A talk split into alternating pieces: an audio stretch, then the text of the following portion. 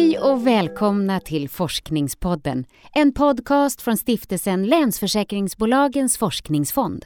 Den nya inriktningen för Forskningsfonden omfattar inte bara forskning runt skador och hur de kan förebyggas, utan även frågor som omdefinierar spelplaner för Länsförsäkringsbolaget på sikt. En fortgående urbanisering, delningsekonomins utbredning samt digitaliseringens inverkan på samhället, kunderna och Länsförsäkringsbolagets affär. Försäkringsfonden har ännu inte tilldelat några medel för forskning om de nya områdena men har beställt forskningsöversikter som författas av initierade forskare. Till dessa forskare hör docent Kerstin Enflo vid Lunds universitet som här befinner sig i ett samtal med kanslichefen Peter Gripenkärr Löv. Temat är ökad regional ojämlikhet. Varsågoda Peter och Kerstin. Spännande mm. att få låna dig en stund Kerstin. Mm, trevligt att vara här. eh, urbanisering och ökad regional ojämlikhet. Vilken är den avgörande och stora slutsatsen från, från den här forskningen som du har bedrivit? Mm, vi har ju gått tillbaka till 1860 med BNP-serier för alla de svenska länen, BNP per capita och vi har tittat på den regionala klyftan mellan länen och det vi hittar det är att klyftorna minskade från 1860 till 1980 och 1980 så var Sverige på en väldigt jämlik nivå, både historiskt sett och internationellt sett.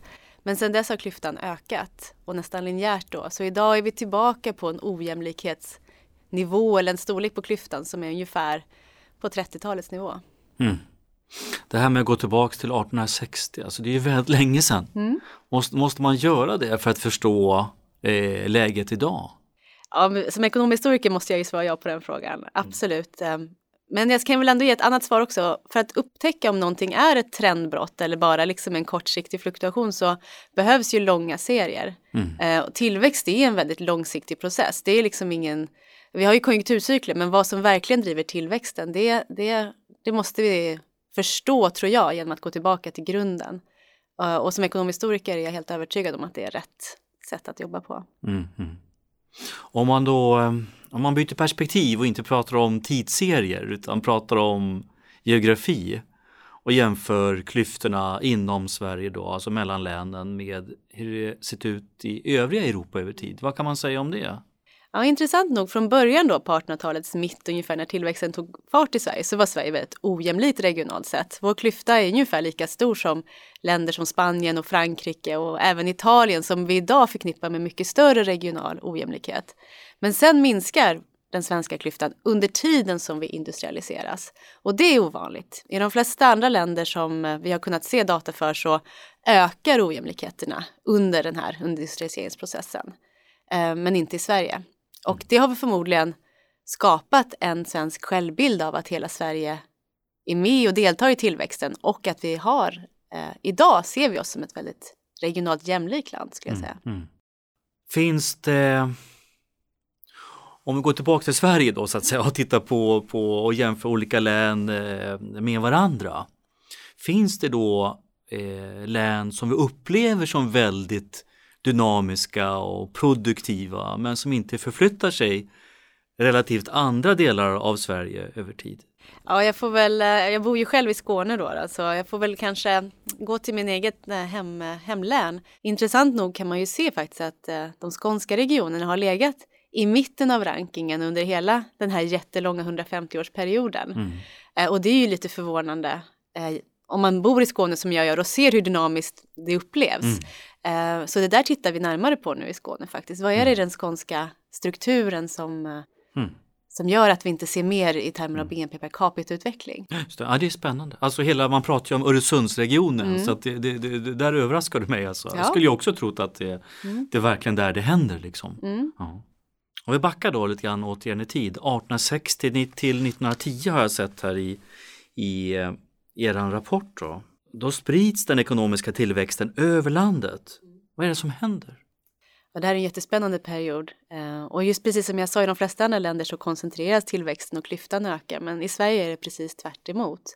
Och det ena som händer det är att vi har eh, en migration som är väldigt stor. Vi öppnar upp eh, för befolkningsrörelser och det ena är att vi tar bort det interna passtvånget. Så man behöver inte längre pass för att resa mellan svenska landsändar och man behöver inte heller söka pass för att resa ut ur mm. Sverige. Mm. Fanns alltså pass inom Sverige? Det fanns pass inom Sverige sedan Gustav Vasas tid.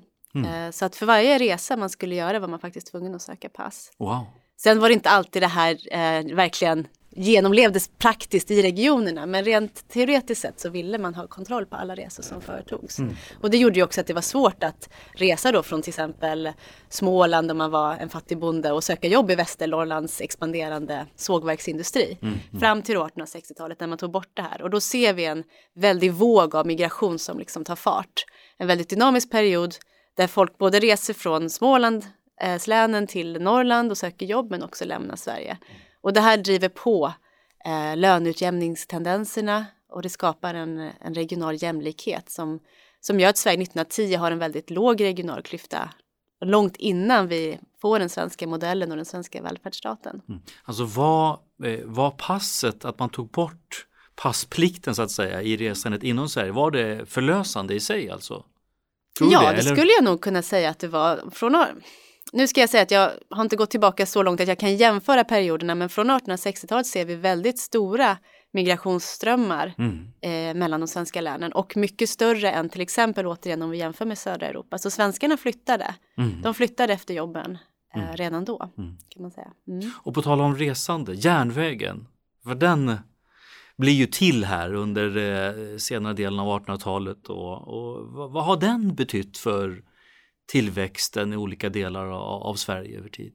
Ja, de svenska järnvägarna har ju en väldigt intressant historia eh, eftersom man inte byggde järnvägen eh, för att koppla ihop de växande städerna. Utan Nils Eriksson då som var ansvarig för att rita järnvägsnätet, han är ju känd för sin rädsla för vattendrag och städer. Så han, han ritade ju ett järnvägsnät som jag tror är ganska unikt eh, för Sverige. Där han faktiskt kopplade ihop orter som överhuvudtaget inte var särskilt viktiga. Och det mm. växte fram många orter ur, ur, ingenting längs järnvägsnätet, till exempel då Hässleholm som var en, en gård helt enkelt, som idag är en ganska stor mm. och växande stad. Mm. Och det här liksom att man eh, inte kopplade nätet till de stora städerna. Man kan ta exemplet Karlskrona då som var en, Sveriges fjärde, femte största stad den här tiden som inte fick tillgång till stambanan. Eh, det gjorde ju att de etablerade städerna växte långsammare medan nya städer växte upp. Eh, och det spridde förmodligen tillväxten över, över rummet eller över Sverige. Eh, så att eh, det kan vara en förklaring till att befolkningen spred sig under den här tiden och att liksom flera delar av Sverige fick del i tillväxtvågen som industrialiseringen mm. innebar. Mm. Om järnvägen då bidrog till att sprida befolkningen mm. över landet, vad har då drivit befolkningskoncentrationen över tid? Mm över tid. Men då får man ju tänka att den här klyftan är precis så som du beskriver. Att först så spred sig folkningen över landet och sen någonstans runt 1940 så ser vi ett trendbrott igen. Och sen 1940 så har befolkningen börjat koncentrera sig över rummet och den, den trenden är vi kvar idag. Idag ser vi en kraftig koncentration av befolkningen till enstaka län. Eh, och eh, för att förstå den här vändpunkten runt 1940, 50, 60-talet, då måste vi nog förstå den svenska modellen och den svenska solidariska lönepolitiken som handlade om att försöka skapa en lönenivå för hela Sverige som skulle förhandlas fram av arbetsmarknadens parter. Vilket gjorde att eh, i vissa län och regioner där man inte längre kunde konkurrera då med lägre löner så uppstod ju eh, arbetslöshet. Vilket mm. är ovanligt för den här perioden för det här var ju en tid som Sverige kännetecknades av arbetskraftsbrist egentligen. Mm. Men på de här platserna där det fanns arbetslöshet, där fick man flytta helt enkelt. Och sen fanns det också en svensk flyttpolitik som skulle bidra till det. Mm. Eh, och det, det började, det, då började befolkningen koncentreras efter den här första spridningsfasen. Mm. Mm. Du har ju precis skrivit en, eh, en forskningsöversikt för att vi ska få en bild av forskningsläget i, eh, i ämnet urbanisering. Vad, vad visar den översikten? Vad har vi lagt ner pengar och medel och, och forskarresurser på för frågor? Ja, vi har ju gått igenom då eh, systematiskt alla universitet och högskolor och även forskningsinstitut i Sverige och tittat på deras hemsidor för att göra en översikt av vilken forskning finns det. Och det, det, är såklart att det spretar ju väldigt och det finns massa olika ingångar på temat urbanisering som vi försöker täcka in. Men ett tydligt tema som vi såg det är att till exempel entreprenörskap och innovation det finns nästan representerat på alla universitet och högskolor. Så det är, det är starka idéer om regional tillväxt och mm. eh, competitiveness som man säger på engelska. Mm. Det finns. Eh. Sen har det också ett starkt tema som, eh, som finns etablerat nästan överallt. Det handlar om hållbar, hållbar urbanisering och hållbara städer. Eh, det handlar om att skapa städer som eh, passar in i ett, en cirkulär ekonomi till exempel eller på andra sätt är hållbara. Så det, det, det, det ser vi som starka trender de senaste åren. Mm. Vad tycker du själv då som är forskare inom området? Vad är det som saknas? Är, vilka är de vita fläckarna? Alltså jag måste nog gå tillbaka till huvudfrågan på ett sätt och jag tycker det som saknas just nu det är, det är ren grundforskning om sambandet mellan urbanisering och tillväxt. Det är så vanligt att man antar att det här sambandet finns. Mm. Eh, man ser det överallt, både i forskningslitteratur men också i, i allmänna samhällsdebatten att urbanisering ger tillväxt. Vi vet bara att de här två sakerna uppträder samtidigt, men vi vet inte vad det faktiska sambandet är. Och för att förstå vår både historia men också för att förstå vår framtid så skulle jag tycka att, att vi måste veta mer om det här. Och då handlar det också om att förstå vad händer nu i den här senaste tidens superurbaniseringstrend som man pratar om, där de allra största städerna eh, blir ännu större.